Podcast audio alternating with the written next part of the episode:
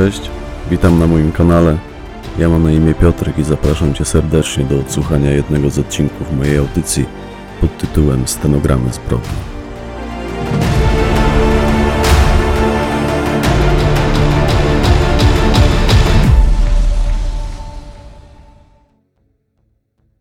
Bob Fragment zeznań świadka Justyny Rudzińskiej To była bardzo słoneczna sobota. Mój mąż miał urodziny, odwiedziło nas kilkoro znajomych. Podczas gdy my, to znaczy dorośli, grillowaliśmy i spędzaliśmy miło czas w ogrodzie, dwoje naszych dzieci wspólnie z trojgiem dzieci naszych gości oraz czworgiem dzieci naszych sąsiadów bawiło się w pobliżu. Była więc ich cała zgraja. Biegały wkoło nas, jeździły na rowerach, dziewczynki grały w gumę na podjeździe. Od czasu do czasu któreś z nich kręciło się też przy bramie, ale przez większość czasu mieliśmy je wszystkie na oku.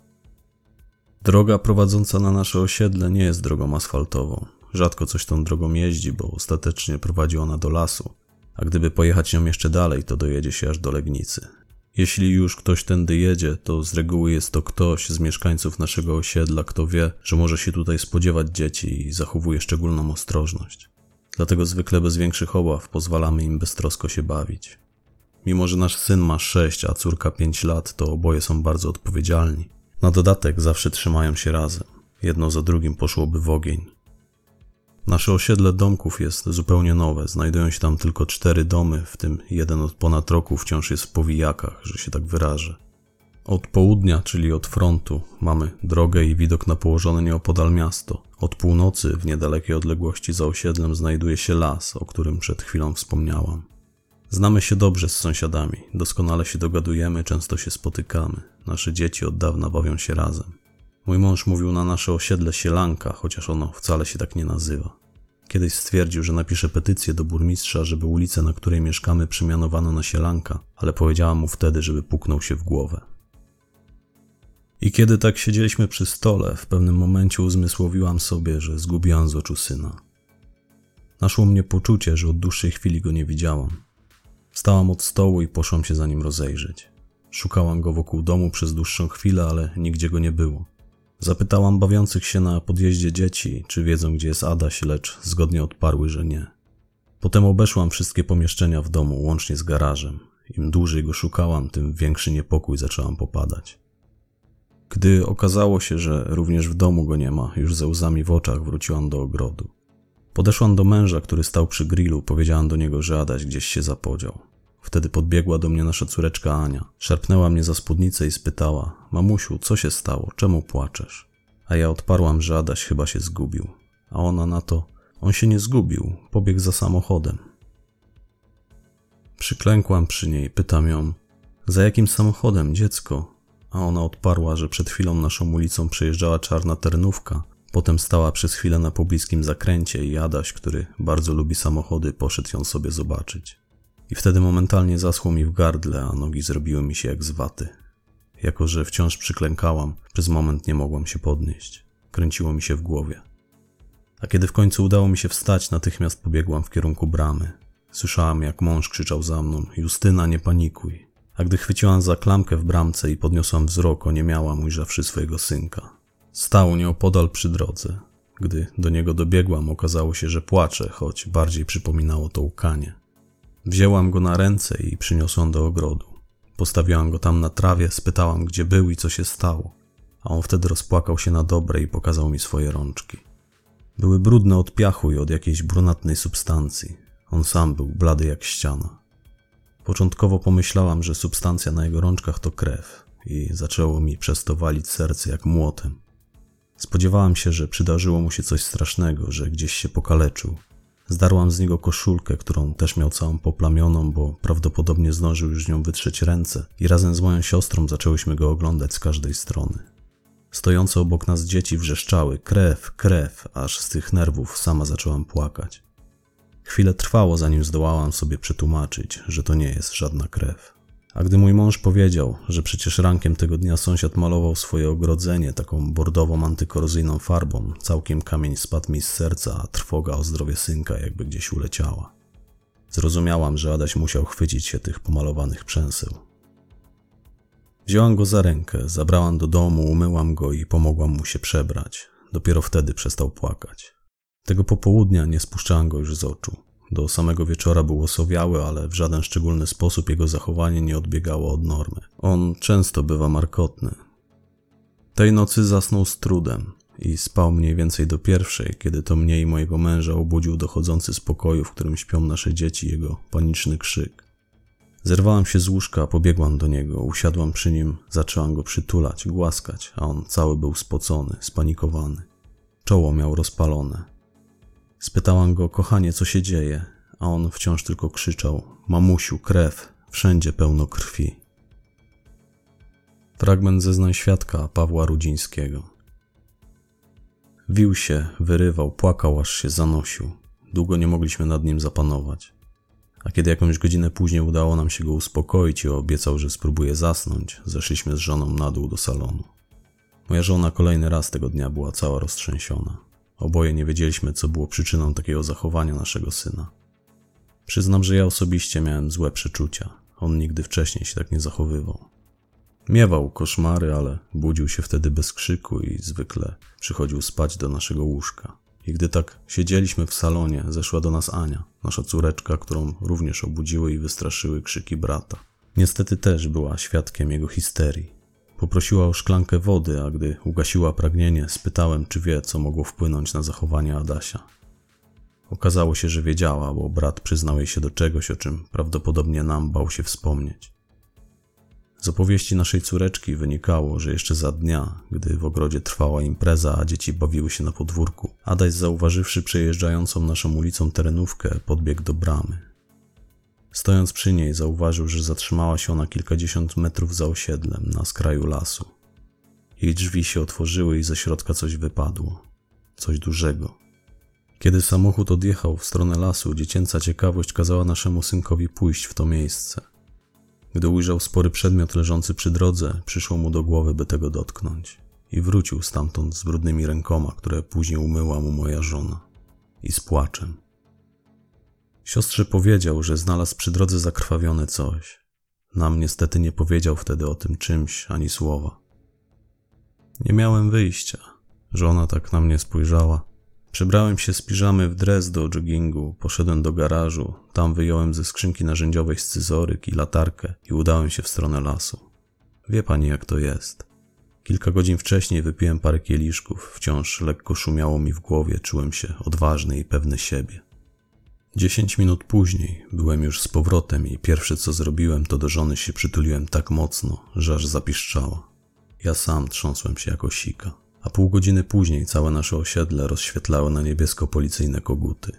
Pierwszy był radiowóz, zaraz po nim karetka, potem zjechało się jeszcze sześć czy siedem radiowozów. Odrzuciło mnie chyba na dwa metry, gdy zajrzałem do środka. Proszę pani, ja byłem wczoraj u psychologa, żeby mi coś przepisał na uspokojenie. Trzy lata nie paliłem, a jak staliśmy wtedy z sąsiadem przy bramie, gdy policja prowadziła tam swoje czynności, to w godzinę pół paczki mu wypaliłem a on tylko oczy wielkie robił, jak mu o tym znalezisku opowiadałem. Bo chyba ze sto razy to powtórzyłem. Wszystkim, kto tylko nowy do nas doszedł, to ja od nowa opowiadałem. Widocznie sam nie mogłem w to uwierzyć. Do dzisiaj zresztą nie mogę. Zastanawiamy się z żoną, czy nie sprzedać tego domu. Przecież Jawor był dotąd bardzo bezpiecznym miastem. Miała być sielanka, a jest rzeźnia. Fragment notatki służbowej sporządzonej przez starszego posterunkowego Łukasza Alorka. Po przybyciu na miejsce około godziny 2.25 wraz z grupą okolicznych mieszkańców udaliśmy się na odległość kilkudziesięciu metrów poza obręb osiedla, które z kolei znajduje się około 1,5 kilometra od centrum Jawora. Tam pod lasem, na skraju polnej drogi, w niewysokiej trawie, spoczywał pękaty jutowy worek. Był przysiągnięty cieczą o kolorze i konsystencji przypominającej na wpół zakrzepłą krew. Zawiązany był męskim skórzanym paskiem, nosił niewielką dziurę. Świadek, który go znalazł, Paweł Rudziński, przyznał, że naciął go w tym miejscu z scyzorykiem, by sprawdzić jego zawartość.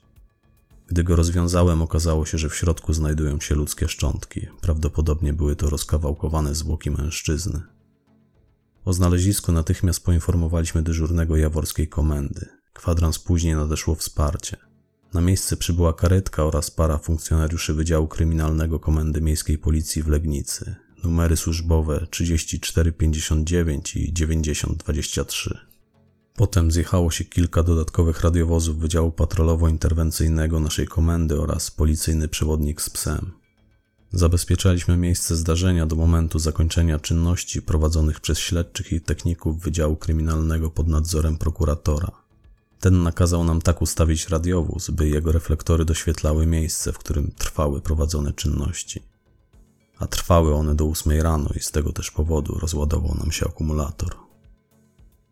Fragment protokołu oględzin oraz sekcji sądowo-lekarskiej szczątków NN mężczyzny. Przedstawione do wglądu ludzkie szczątki tworzą kompletne ciało denata płci męskiej w przedziale wiekowym między 30 a 40 rokiem życia. Wzrost około 180 cm, waga ciała 77 kg. Zwłoki bez cech gnicia, lekkie oznaki wysychania, skóra jasna, sprężysta, bez widocznych znamion, brak obecności ognisk martwicy. Na karku denata widnieje rozległa rana oparzeniowa stanowiąca napis składający się z trzech liter B, O, P. Na prawej dłoni tatuaż przedstawiający pojedynczy liść klonu. Na łydkach obu nóg mocno rozwinięte żylaki. Liczne otarcia skóry, zasinienia, złamania. Wyraźne obrażenia twarzoczaszki powstałe prawdopodobnie na skutek pobicia. Rana postrzałowa w okolicy lewego oczodołu, tuż nad nim. Charakterystyczne osmolenie wokół otworu wlotowego jest dowodem na to, że strzał oddano z przyłożenia. Wydobytą z czaszki Denata kulę o kalibrze 7,62 mm przekazano do dalszych badań. Szczątki noszą ślady ran tłuczonych i rąbanych zadanych narzędziem ostrokrawędzistym, prawdopodobnie siekierą. Wszystkie zostały zadane celowo i dość precyzyjnie. Badanie grupowe krwi wykazało przynależność do grupy ARH-. Badanie chemiczne krwi i moczu pod kątem zawartości alkoholu i narkotyków negatywnie. W przełyku denata zalegały dwa ciała obce. Przekazano je do dalszych badań. Uwzględniając powyższy wynik oględzin i sekcji, należy przyjąć, iż zejście śmiertelne Denata nastąpiło w wyniku postrzału z broni palnej, następnie jego zwłoki zostały rozczłonkowane. Fragment zeznań sierżanta sztabowego Tomasza Jeszkę. Staraliśmy się dotrzeć do świadków, odnaleźć choćby jedną dorosłą osobę, która potwierdziłaby opowieść chłopca. Niestety nikt oprócz niego nie zauważył wtedy jakiegokolwiek przejeżdżającego tamtędy pojazdu. W sumie to nie wiedzieliśmy nawet, czy możemy zaufać temu chłopcu i brać jego opowieść na poważnie. Wątpliwości miałem tym większe, iż ani przed tym zdarzeniem, ani też później żaden z mieszkańców tego niewielkiego osiedla nie zauważył nic, co wydałoby mu się podejrzane. Kiedy dobę później dotarła do nas dokumentacja z sekcji zwłok, usiadłem przy swoim biurku i zacząłem się z nią zapoznawać. Najdłużej wpatrywałem się w fotografię wypalonego napisu, który Denat nosił na karku. Spodziewałem się, że BOP to może być jego ksywka, więc obdzwoniłem kilku legnickich ucholi. Niestety żaden nie znał nikogo o przezwisku BOP czy też Bob. Jeden wspomniał co prawda o Bobie Marleyu, ale Denat z pewnością nim nie był.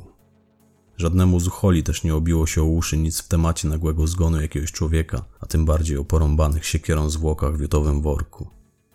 Dziwne, z reguły bardziej lub mniej, ale moi informatorzy zawsze byli w temacie. Pomyślałem sobie wtedy, że fama z pewnością musiała się już rozejść i oni albo udają głupich, albo boją się mówić.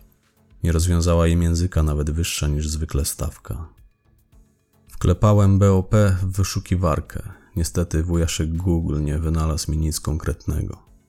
Potem poszedłem do naszej biblioteki i przyniosłem stamtąd dwa tomy encyklopedii powszechnej, zawierające wszystkie hasła na B.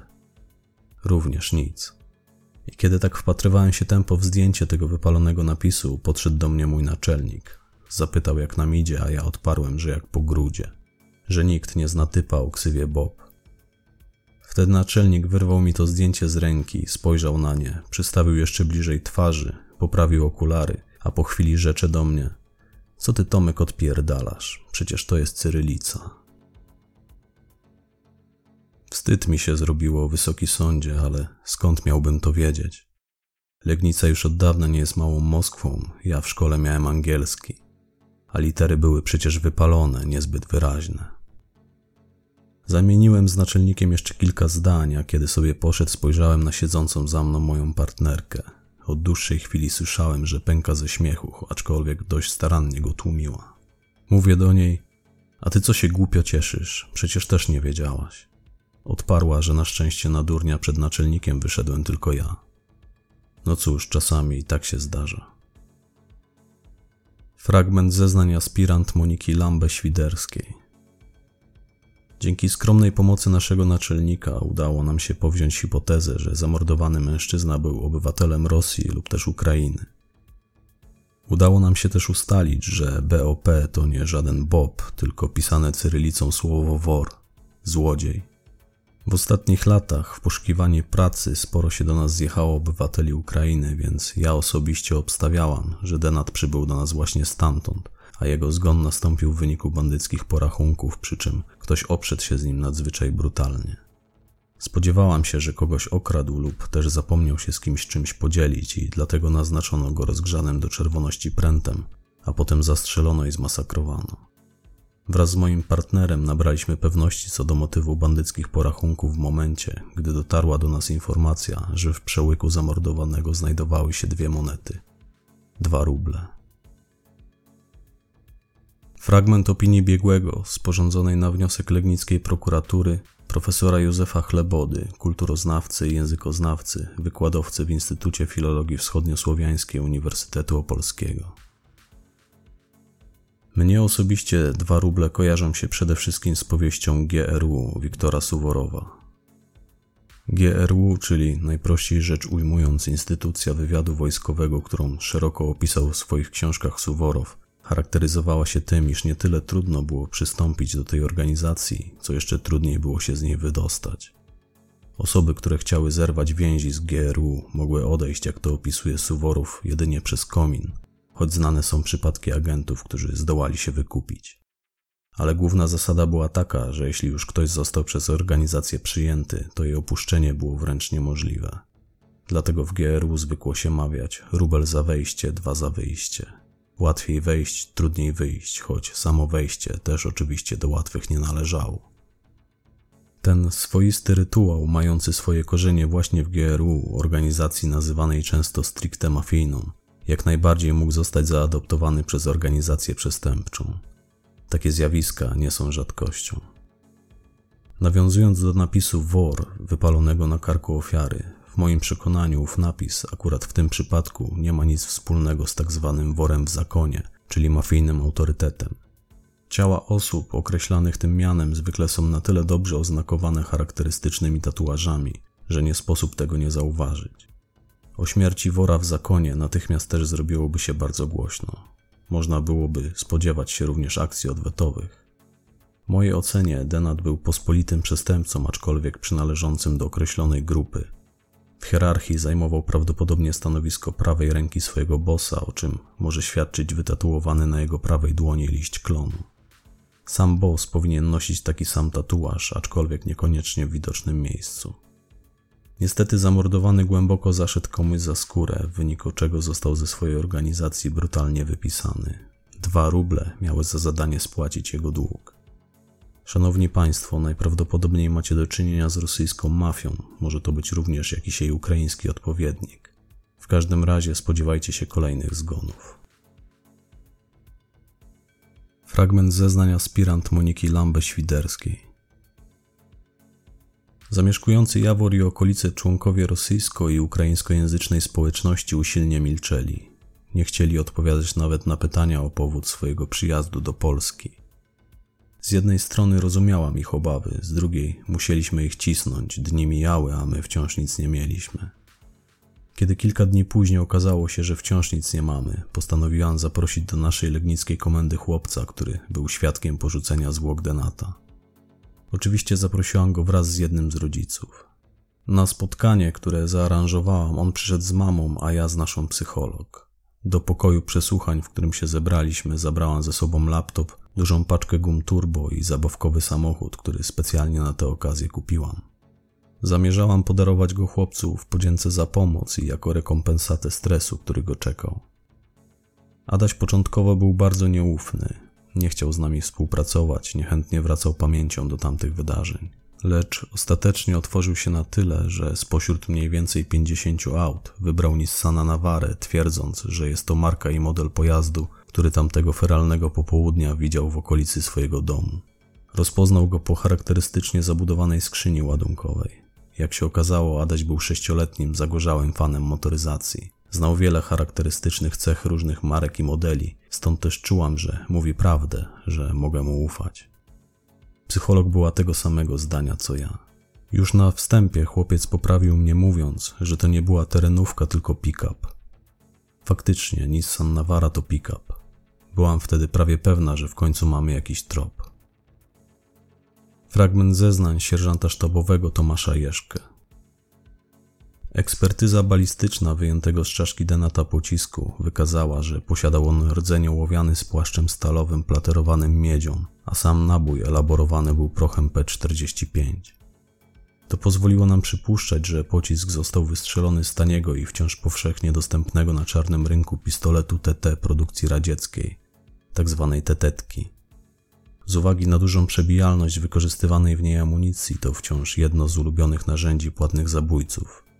Niezbyt celna, pełna wad, wykonana z marnej jakości materiałów, nieudolna kopia amerykańskiego Browninga ze swojego podstawowego zadania zawsze wywiązywała się doskonale. W ponurych latach 90. pozbawiła życia tysiące ludzi w całej Europie, w tym, jak wynikało z opowieści mojej mamy, pozbawiła życia również jej brata, kierowcę tira, który został kiedyś wysłany z transportem jeansów z Legnicy do rosyjskiej Ufy.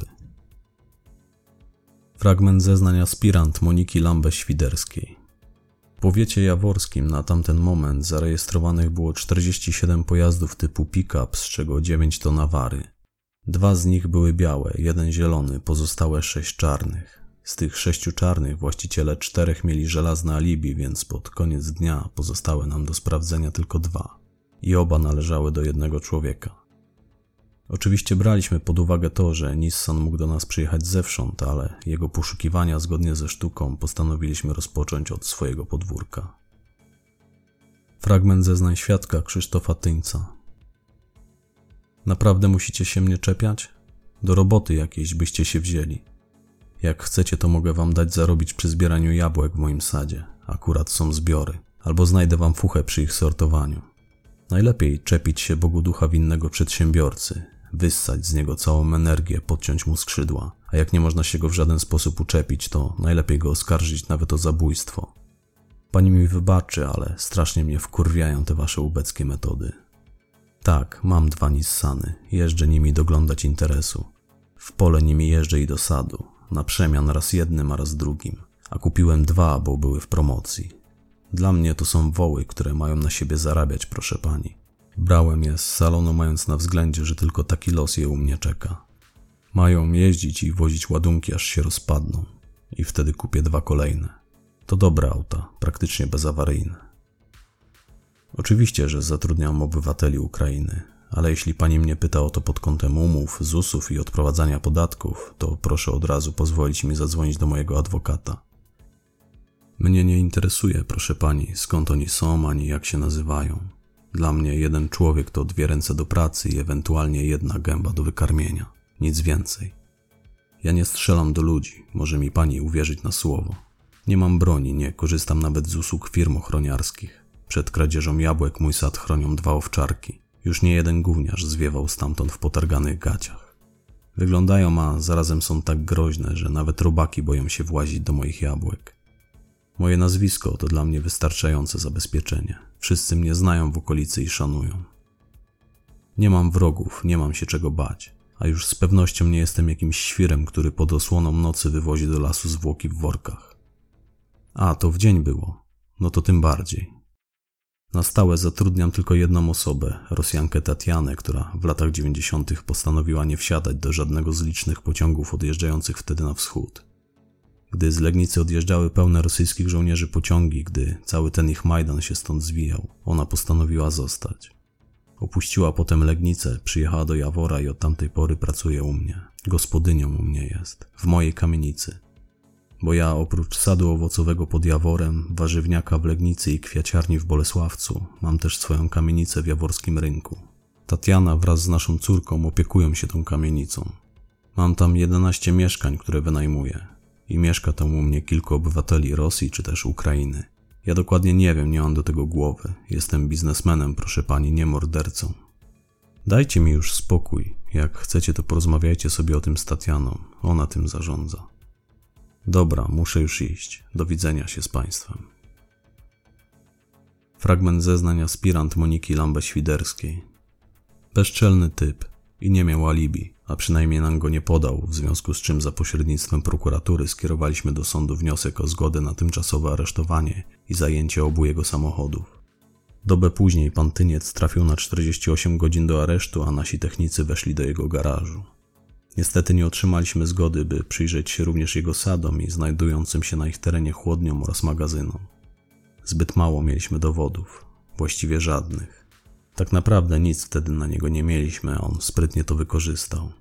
Dzięki koneksjom wyszedł z aresztu już kolejnego dnia o 8 rano a gdy o 9.30 wrocławskie laboratorium kryminalistyczne przysłało nam wyniki oględzin wnętrza jednego z jego pojazdów, które poświadczały, że na tylnym siedzeniu znajdowała się zakrzepła krew zamordowanego i poćwiartowanego mężczyzny, i wraz z moim partnerem wyruszyliśmy pod jego adres, by przedstawić mu zarzuty i zatrzasnąć na jego rękach kajdanki. Okazało się, że pan Tyniec rozpłynął się w powietrzu. Dosłownie słuch po nim zaginął, choć wszystkie jego rzeczy, w tym dokumenty wraz z paszportem, wciąż zalegały w jego mieszkaniu. Dzięki uzyskanym twardym dowodom przeciwko niemu otrzymaliśmy zgodę na przesłuchanie wszystkich należących do niego nieruchomości. Było tego całkiem sporo, więc wraz z moim partnerem postanowiliśmy podjąć się przeszukania magazynów znajdujących się na terenie jego sadów. Wszędzie były wyłącznie jabłka, dziesiątki ton zapakowanych do jutowych worków jabłek. Takich samych worków, w którym porzucono rozczłonkowane zwłoki mężczyzny. Dzięki temu, że dokoptowano nam wsparcie w postaci kilkorga funkcjonariuszy jaworskiej prewencji, w jednej z należących do podejrzanego chłodni szybko znaleźliśmy kawałek głucho dudniącej podłogi. Wezwaliśmy na miejsce ekipę rozbiórkową z młotami udarowymi, a w oczekiwaniu na ich przyjazd wraz z moim partnerem poszliśmy rozejrzeć się po terenie pobliskiego sadu. Ten pomysł okazał się strzałem w dziesiątkę, bowiem nieopodal magazynów, pośród uginających się od owoców jabłoni, zauważyliśmy spoczywające na ziemi ciało Krzysztofa Tyńca. Strzegły go dwa owczarki kaukaskie. W momencie, gdy mój partner wziął do ręki gałąź i ruszył w ich stronę, by je przegonić, jeden z nich go zaatakował i zanim Tomek zdążył sięgnąć po pistolet, pies boleśnie rozszarpał mu lewy pośladek. Jest mi z tego powodu bardzo przykro, bo kocham zwierzęta, ale jestem pewna, że gdybyśmy nie użyli wtedy broni, to nie wyszlibyśmy stamtąd cało. Fragment zeznań sierżanta sztabowego Tomasza Jeszkę. Źle wspominam tę naszą akcję, Wysoki Sądzie, a najgorzej serię zastrzyków przeciw wściekliźnie, którą mi potem zaaplikowano. W każdym razie samą akcję możemy dziś chyba uznać za udaną.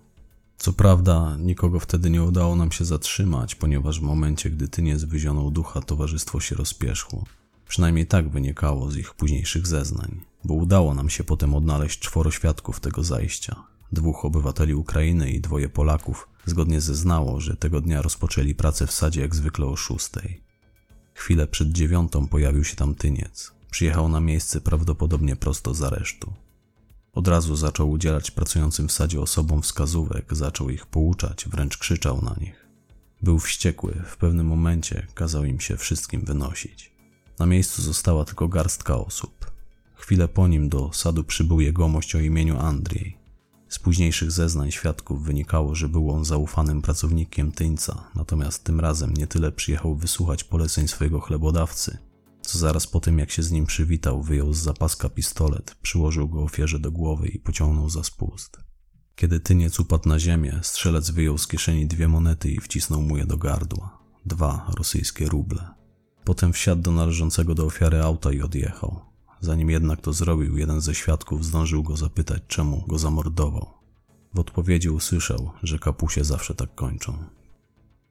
Fragment zeznań aspirant Moniki Lambę-Świderskiej. Świadkowie podali nam szczegółowy rysopis sprawcy, który natychmiast rozesłaliśmy do komend w całym kraju. Oczywiście wraz z numerami rejestracyjnymi auta, którym się poruszał. Późnym popołudniem otrzymaliśmy meldunek z Wrocławia, że ów pojazd odnaleziono w pobliżu tamtejszego lotniska. Po sprawdzeniu nagrań z kamer zainstalowanych w budynku hali odpraw okazało się, że nasz podejrzany o godzinie 16.30 wsiadł do samolotu tzw. Tak tanich linii lotniczych i odleciał do Odessy. Nie miał ze sobą żadnego bagażu, a w trakcie swojego pobytu na lotnisku starał się ukrywać twarz pod czapeczką z daszkiem. Dzięki ekipie wyburzeniowej udało nam się przebić przez podłogę w chłodni. W jej rozległym podpiwniczeniu natrafiliśmy na świetnie przygotowaną, wyposażoną w nowoczesny sprzęt fabrykę papierosów, do której, jak się okazało, wejście było bardzo skrzętnie ukryte, przysypane niewielkim stosem zgniłych jabłek. Jej moce produkcyjne pozwalały na wyprodukowanie kilkudziesięciu tysięcy papierosów i opakowań do nich w ciągu jednej godziny. W przyległych jej pomieszczeniach znajdowały się magazyn i suszarnia tytoniu, a także magazyn wyrobów gotowych, gdzie zalegały zafoliowane tysiące paczek papierosów oraz skarbiec z liczarnią, w którym na podłodze stała drewniana paleta z pieniędzmi. Trafiliśmy tam 43 miliony złotych, 4 miliony euro oraz 2,5 miliona dolarów. Łypałam na nie oczami, a jednocześnie mocno zaciskałam zęby. Wszyscy zaciskaliśmy. Mój partner nie doświadczył tego widoku. Znajdował się wtedy w karetce w drodze do szpitala. Fragment zeznań świadka Tatiany Romanowej. Miałam się tam wybrać, lecz wciąż nie po drodze mi tam było. Wypierz, zakupy zrób, ugotuj na gazie. Przynieś, przyszykuj, podaj. Nałóż dużo i wszystkiego po trochu. Wynieś szybciutko, pozmywaj, wyprowadź psa.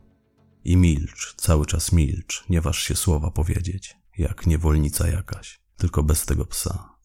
Z córką we dwie się nie wyrabiałyśmy. Słońce za szybko spać się kładzie, a za późno wstaje. Cztery ręce mało, pięć rąk mało, sześć byłoby mało, a nawet i siedem. Dokumenty niby urzędowe, a dat żadnych. Dat nie było, mówię. Jakby znikąd jacy przyjechali. To się musiało tak skończyć, prędzej czy później. Ich poprzednicy też szybko się wynieśli, jak bandyci jacy. Nigdy po sobie nie uprzątnęli, nie chluje śmierdzące mordy pijackie. Pracować dwie lewe ręce, butelkę odkręcić dwie prawe, a i nogami by odkręcili co się właściciel naprosił, żeby szli do roboty. Ani słowa efektów nie przynosiły, ani grożenie palcem. Czynszu ostatniego nie uiścili, przedostatniego też zresztą. Straszne sceny tutaj się działy, żyć, spać nikomu nie dawali. Sześć rodzin tu mieszka w tej kamienicy. Szczynami klatka spływała, kto to widział, własne gniazdo tak kalać. I to na wysokość ludzkiej głowy, jakby w szranki jakie.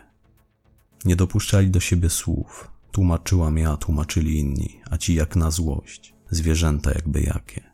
Aż właściciel nie wytrzymał i na bruk zagroził, że wyrzuci. Tylko ten Andrzej jakby fason trochę trzymał. No i ten Maksym, ten co zginął kilka dni wcześniej, choć on też, źle mu z oczu patrzyło. Najpierw długo się kłócili z właścicielem, przez kilka wieczorów, o papierosy i pieniądze. Tyle tylko zrozumiałam, bo po waszemu tylko te dwa słowa wykrzykiwali, papierosy i pieniądze. Wciąż darli się do siebie. Cicho rozmawiać nie potrafili. Dom wariatów jakby jaki. Już dość chodzenia miałam, po swoje szłam, a opluta wracałam. Najpierw pożyczali, a później notorycznie ociągali się, żeby oddać. Po co pożyczali, nie wiem, skoro oni tam szafki pieniędzmi wyściełane mieli. Może to nie ich pieniądze były. Jeno z córką tam zachodziłam albo z właścicielem, chociaż jego jakby się trochę obawiali, czorty a na co dzień na stole wódka, puszka kawioru i nóż do połowy w stół wbity, a drugi w drzwi i pistolet kiedyś pod tym stołem leżał. Ani słowa po waszemu, no dwa tylko, papierosy i pieniądze. W żadnym normalnym języku mówić nie mówili, tylko gwarą jaką. Nic sobie załatwić nie potrafili, w urzędach ja za nich kolana schorowane wystawałam. A jeszcze na koniec po dobroci odejść nie chcieli. Właściciel przemocy się wstydzi, ale wtedy to już wyjścia nie miał. Szarpanina była, krzyki, kobiety płakały głośno i histerycznie. Włosy z głowy rwały, do nóg im się kładły, a to nawet nie byli ich mężowie. Tutaj się przecież zapoznali z miesiąc czy dwa wcześniej. Schadzki sobie urządzali. Oj, jak one się płaczem zanosiły. Czerwony i czarny na twarzach rozmazane, aż ściekało. Z ust czerwony, a z oczu czarny. Później się zabrały i poszły wszystkie w tych rajstopach na wskroś podartych, z tymi tobołami jak prostytuty jakie. Chyba pojęły, że nic tu po nich. W zeszłym sezonie właściciel niewiele zarobił. Takich mu przysłali robotników. A tu cały rok jest robota. W kamienicy, w obejściu, w sadzie za miastem. Że jak w obozie jakim. Czasu już trochę minęło, kamienica o krzykach chyba zapomniała, choć smród po nich jakby wciąż nie uleciał. Tyle lat tam gospodynią byłam, tyle lat z nosem w cudzych brudach na kamienicy skupiona, na córce skupiona, na sobie wcale, jak martwa jaka. choć nie tak jak gospodarz. On przecież martwy na amen. Fragment zeznań aspirant Moniki Lambe-Świderskiej. Dosłownie godzinę po tym, jak rozesłaliśmy za naszym podejrzanym europejski list gończy, odezwała się do nas ukraińska prokuratura. Dowiedzieliśmy się, że poszukiwany przez nas osobnik jeszcze tego samego dnia, kiedy zamordował Krzysztofa Tyńca, awanturował się w odeskiej wypożyczalni samochodów, czym zwrócił na siebie uwagę ukraińskiej milicji. Był pijany, został zatrzymany i osadzony do wyjaśnienia w areszcie.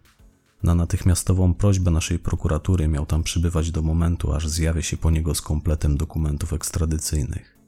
Ze względu na to, że mój partner nabawił się poważnej kontuzji, naczelnik zgłosił na wyjazd tylko mnie. Na szczęście sąd szybko to przyklepał i, podobnie jak nasz podejrzany, tanimi liniami poleciałam do Odessy. Zgłosiłam się do biura tamtejszego prokuratora. Okazało się, że urzęduje on w budynku aresztu.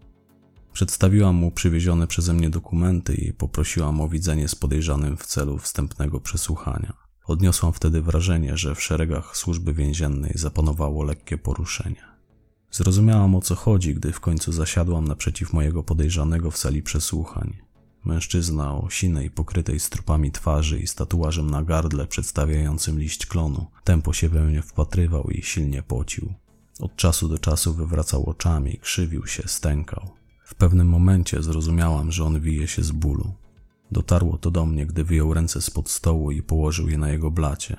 Dostrzegłam wtedy, że jego niedbale owinięte bandażami palce nie posiadają paznokci.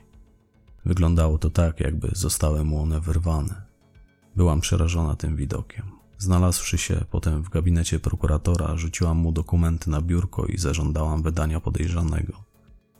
Nawet na te dokumenty nie spojrzał. Odparł tylko: Jutro, przyjdź jutro. Wydarłam się wtedy na niego, powiedziałam: Jak jutro, skoro dokumenty są na dzisiaj? Bilety przecież są na dzisiaj. Macie mnie dowieść z nim na lotnisko i wsadzić nas do samolotu. A on wyjął z szuflady biurka dwie brudne szklanki, nalał do nich koniaku, postawił jedną przede mną i spokojnie powtórzył: Jutro. Cała byłam w nerwach. Wypiłam zawartość obu szklanek i opuściłam jego gabinet, głośno trzaskając drzwiami. Zjawiłam się pod nimi kolejnego ranka, tuż po siódmej rano. Bez słowa założył wiszącą na wieszaku w kącie togę i zaprosił mnie na obchód po korytarzach aresztu. Kiedy przechodziliśmy obok cel, w drzwiach kilku z nich uchylił mi lufciki i pozwolił zajrzeć do środka. Potem dotarliśmy pod drzwi celi, w której, jak się okazało, przebywał mój podejrzany. Drzwi były otwarte, a w progu stał mężczyzna w białym kitlu. Wewnątrz dwóch kolejnych mężczyzn odcinało od grubej kraty okna powieszonego na niej mężczyznę z liściem klonu na gardle a raczej odwijało, bo zawisł na rozciągniętej, wyjętej z łóżka sprężynie. Miałam ochotę rzucić się na nich z pięściami. Ze łzami w oczach wykrzyczałam: Ludzie, co się z wami dzieje? A oni zbyli mnie milczeniem. I wtedy ten prokurator podszedł do mnie i poklepał mnie po ramieniu. Wyjął papierosa, zapalił. Pozwolę sobie, wysoki sądzie, zacytować w całości to, co wtedy do mnie powiedział. Niektórzy ze znajomych mojej córki, ci, którzy wyjechali do was do pracy, powiadają, że Ukraina w porównaniu do Polski jest zacofana. Może i jest, ale jak widzisz, wieści rozchodzą się u nas szybciej niż u was. Szybciej też radzimy sobie z problemami. Nie powinno być dla ciebie tajemnicą, że on już zawsze gryzłby ludzką rękę i zaglądał innym psom do miski. Rozumiesz? Ktoś zwyczajnie się o niego upomniał. Wczoraj poproszono mnie, bym przetrzymał go jeszcze jedną noc w areszcie. Gdybym tego nie zrobił, jutro ja byłbym na jego miejscu. Mam nadzieję, że to ci wystarczy za odpowiedź na wszystkie pytania, które rodzą się teraz w twojej głowie. Chodź, odprowadzę cię do wyjścia. Dopiero kilka godzin później, będąc już na odeskim lotnisku, zrozumiałam, co poprzedniego dnia miał na myśli mój naczelnik, gdy dzwoniłam do niego z prośbą o przebukowanie naszych biletów.